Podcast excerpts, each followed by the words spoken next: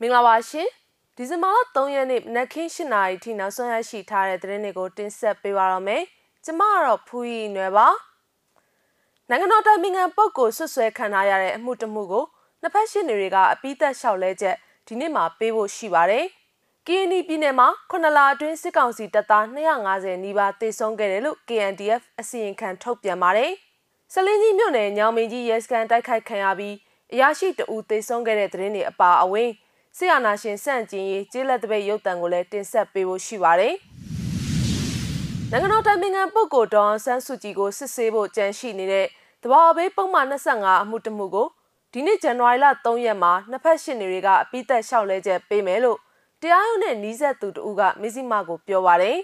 ။ဒီမှုကိုပြီးခဲ့တဲ့ဒီဇင်ဘာလ29ရက်မှာမန္တလေးတိုင်းဝန်ကြီးချုပ်ဒေါက်တာဇော်မြင့်မောင်ကဥဖို့အချင်းထောင်တွင်းကနေဗီဒီယိုကွန်ဖရင့်စင်းနဲ့တရားခံပြသက်သေထွက်ဆိုခဲ့ပြီး အဲ့ဒီထွက်ဆိုချက်တွေကဆွဆွဲခံရသူအတွက်ရလက်ကောင်းဖြစ်တယ်လို့တရားရုံးနဲ့နှီးဆက်သူကပြောပါတယ်။ဒေါ်ဆန်းစုကြည်နဲ့အတူတမရဟောင်းဦးထင်ကျော်ရဲ့ဒေါက်တာဇော်မြင့်မောင်ရဲ့အားလုံးပေါင်း9ယောက်ကနေပြီးတော့ရွှေကြပင်ကပါတီဝင်တဦးအိမ်ကိုသွားတာပါနှာခေါင်းစည်းတွေတက်တယ်လက်အိတ်တွေပါတွေအကုန်ဆွတ်ပြီးတော့ COVID-19 စီးကပ်နဲ့အညီသွားကြတာအများပြည်သူကိုဘာစည်းရုံးရေးမှမစင်းခဲ့ဘူးစီးနဲ့ကန်းနဲ့သွားတာပြဋ္ဌာန်းထားတဲ့သဘာဝဘေးအန္တရာယ်တားဆီးရေးပုံမှန်25နဲ့ကိုက်ညီအောင်သွားတာဆိုပြီးထွက်ဆိုခဲ့တယ်လို့ ဒေါက်တာစောမြင့်မောင်ထွက်ဆိုချက်နဲ့ပတ်သက်ပြီးသူကပြောပါတယ်ဇန်နဝါရီလ3ရက်ရုံးချိန်မှာနှစ်ဖက်ရှင်းနေတွေကအမှုနဲ့ပတ်သက်ပြီးပြည်ထောင်အမိန့်ချတင်ကြောင်းဒါမှမဟုတ်တရားသေးလွတ်တင်ကြောင်းဆိုတဲ့လျှောက်လဲချက်တွေကိုတရားသူကြီးထံအပိသက်လျှောက်လဲကြရတော့မှာဖြစ်ပါတယ်။တရားရုံးလုပ်ငန်းစဉ်ကရှေ့ဆက်ကြားနာဖို့လုပ်မယ်။ဆွဆွဲခံရသူဘက်ကတရားသေးလွတ်ဖို့လျှောက်လဲမယ်။အစိုးရရှင်းနေဘက်ကအပြစ်ပေးပါလို့ပြောမယ်။နောက်တစ်ချိန်ကျတော့အမိန့်ချမယ်ပေါ့လို့သူကရှင်းပြပါတယ်။ဒါပြင်လာမယ့်ဇန်နဝါရီလ10ရက်မှာလဲ ဒေါအောင်ဆန်းစုကြည်ကိုဆွဲဆိုထားတဲ့ပို့ကုံသွင်းကုံပုံမှန်ရှင်းနဲ့ဆက်သွယ်ရေးပုံမှန်69နှစ်မှုအတွက်အပိသက်အမိန့်ချမှတ်ဖို့ရှိနေပါတယ်။ဒီနမှုဟာအပိသက်အမိန့်ချဖို့အဆင့်ကိုရောက်ရှိနေပြီဖြစ်ပေမဲ့ရုံးချင်းကိုပြီးခဲ့တဲ့နှစ်ဒီဇင်ဘာလ20ရက်မှာတစ်ကြိမ်ဒီဇင်ဘာလ29ရက်မှာတစ်ကြိမ်ချင်းဆိုခဲ့ပြီးတဲ့နောက်အခု2022ခုနှစ်ဇန်နဝါရီလ10ရက်ကိုထပ်မံချင်းဆိုထားတာဖြစ်ပါတယ်။စစ်ကောင်စီကနိုင်ငံကောင်းဆောင်ဒေါအောင်ဆန်းစုကြည်ကို သူတို့အာဏာသိမ်းတဲ့ဖေဖော်ဝါရီလ10ရက်နေ့မှာဖမ်းဆီးခဲ့ပြီးပုံမှန်12ခုနဲ့မတရားအမှုဆင်ဆွဲဆိုခဲ့ပြီးတော့ပုံမှန်2ခုအတွက်ပြည်နယ်ချမှတ်ခံထားရပြီးဖြစ်ပါတယ်။လက်ရှိမှာပုံမှန်10ခုအတွက်ဆက်လက်ရင်ဆိုင်ဖို့ကြံရှိနေတာပါ။ကီနီပြည်နယ်မှာ9လအတွင်းစစ်ကောင်စီတပ်သား250နီးပါးသေဆုံးခဲ့တယ်လို့ကီနီမျိုးသားများကာကွယ်ရေးတပ် KNDF ကပြည်သူကိုအစီရင်ခံတင်ပြပါရယ်။စစ်တပ်အာဏာသိမ်းပြီးနောက်ပိုင်းမေလ19ရက်ကနေဒီဇင်ဘာလ31ရက်နေ့အထိ တိုက်ပွဲပေါင်း130ကျော်ဖြစ်ပွားခဲ့တဲ့အနက် KNDF ဦးဆောင်တိုက်ခိုက်ခဲ့တဲ့တိုက်ပွဲပေါင်း82ကြိမ်ရှိတယ်လို့ဆိုပါရယ်။အဲ့ဒီတိုက်ပွဲတွေအတွင်းအကြမ်းဖက်စစ်ကောင်စီတပ်ဘက်ကတေဆုံးသူ249ဦးရှိပြီးဒဏ်ရာရသူ149ဦးရှိခဲ့တယ်လို့ KNDF ကထုတ်ပြန်ပါတယ်။ KNI မြို့သားများကာကွယ်ရေးတပ် KNDF ဘက်ကဒဏ်ရာရသူ24ဦးတိုက်ပွဲအတွင်းကြဆုံသူ73ဦးရှိခဲ့ပြီးအရသားပြည်သူတေဆုံးမှု146ဦးရှိခဲ့တယ်လို့လည်းဆိုပါတယ်။ 2021ခုနှစ်နှစ်ကုန်ပိုင်းမှာ KNDF နဲ့စစ်ကောင်စီတပ်တို့တိုက်ပွဲတွေပြင်းထန်လျက်ရှိရာမှာလိုက်ကောဒီမော့ဆိုဒေါသမကြီးဘော်လခဲလမ်းပိုင်းကို KNDF ကဒီဇင်ဘာလ1ရက်မှာစတင်ပိတ်ပင်ခဲ့ပါတယ်။ဒါပေမဲ့ပြည်သူတွေရဲ့တောင်းဆိုချက်အရဇန်နဝါရီလ3ရက်ကနေဖေဖော်ဝါရီ3ရက်နေ့အထိအပတ်စဉ်တနင်္လာနေ့တိုင်းတပတ်ကိုတရက်စီကန်းချက်တွေနဲ့အညီပြန်လည်ဖွင့်လှစ်ပေးမယ်လို့လည်းထုတ်ပြန်ခဲ့ပါတယ်။ဒေသခံကုန်တင်ရင်တွေဟာတောလန့်တွေနဲ့လမ်းပိုင်းတွေမှာသတ်မှတ်ထားတဲ့နေ့ရက်အတိုင်းသာသွားကြဖို့နဲ့ စစ်ကောင်စီနဲ့ဆက်နွယ်တဲ့ဘဲကုန်ပစ္စည်းကိုမှမတင်ဆောင်မှုမြေပေါ်မြေအောက်သွားတည်ရန်ဇာတာမှန်သမျှကိုမတည်ဆောင်မှုနဲ့စစ်ဆေးရင်ကြည်ပြူစွာစစ်ဆေးခံဖို့လဲ KNDF ကနှိုးဆော်ထားပါတယ်။စကိုင်းတိုင်းစလင်းကြီးမြို့နယ်ညောင်မင်းကြီးရဲစခန်းကိုဇန်နဝါရီလ2ရက်မနက်4နာရီဝန်းကျင်မှာညီနောင်တော်လှန်ရေးအင်အားစုမုံရွာခရိုင်တပ်ဖွဲ့တပ်ရင်းနှင်းနဲ့စလင်းကြီးကြီးစက် local PDF အဖွဲ့တို့ကတိုက်ခိုက်ခဲ့ပြီးစစ်ကောင်စီအရာရှိတအူသေဆုံးခဲ့တယ်လို့သိရပါတယ်။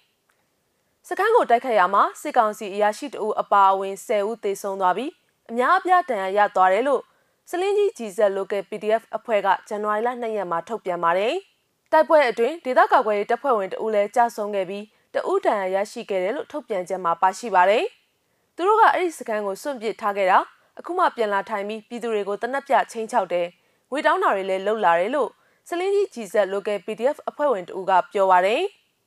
ရဲစခန်းကိုပြန်လည်နေရာယူထားချိန်ကစပြီးအဲ့ဒီစခန်းရှိတပ်သားတွေကခီးသွွားပြည်သူတွေကိုလက်နက်ပြချင်းချောက်တာအဓမ္မငွေတောင်းခံတာတွေပြုလုပ်နေတယ်လို့သူကပြောပါတယ်။တိုက်ပွဲဖြစ်ပွားပြီးတဲ့နောက်အနီးအနားရွာတွေဖြစ်တဲ့ရွာရှိထတော်အင်းချောင်းတိန်တော်အစရှိတဲ့ရွာတွေကဒေသခံတွေတင်းရှောင်နေကြရတယ်လို့လည်းဆိုပါတယ်။စလင်းကြီးကြီးဆက် local PDF ဟာ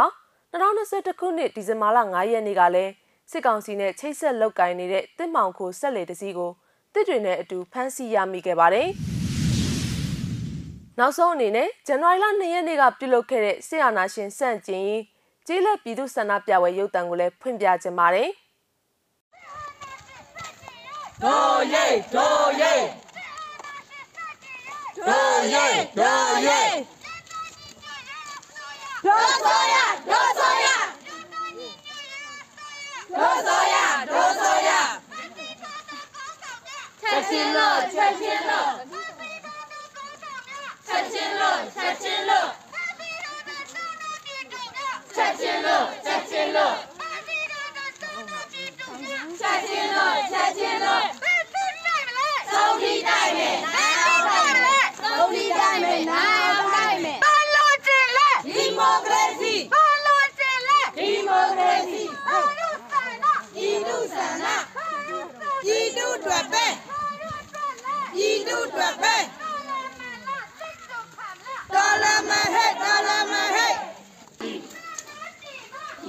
ကြပြီ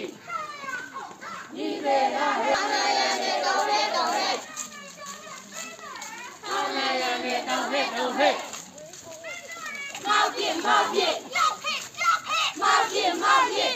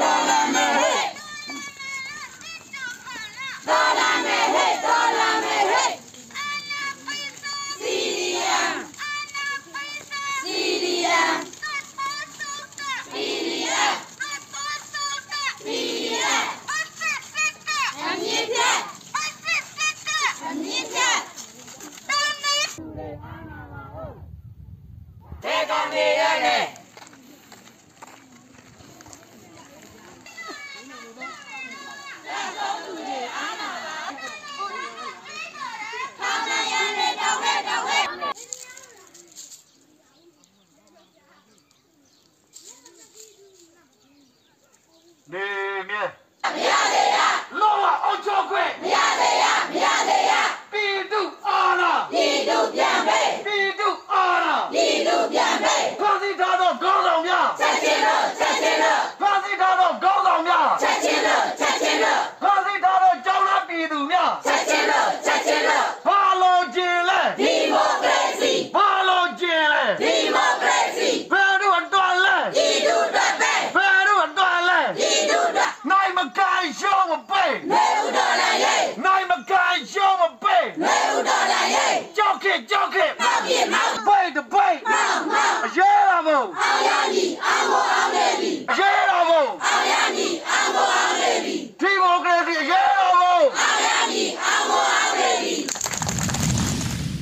မဇ္ဈိမ TV ရဲ့နောက်ဆုံးရသတင်းတွေကိုတင်ဆက်ပေးကြတာပါ။အမြော်ကြည့်ရှုခဲ့ကြတဲ့ပရိသတ်တွေအားလုံးကိုကျေးဇူးအထူးပဲတင်ရှိပါရရှင်။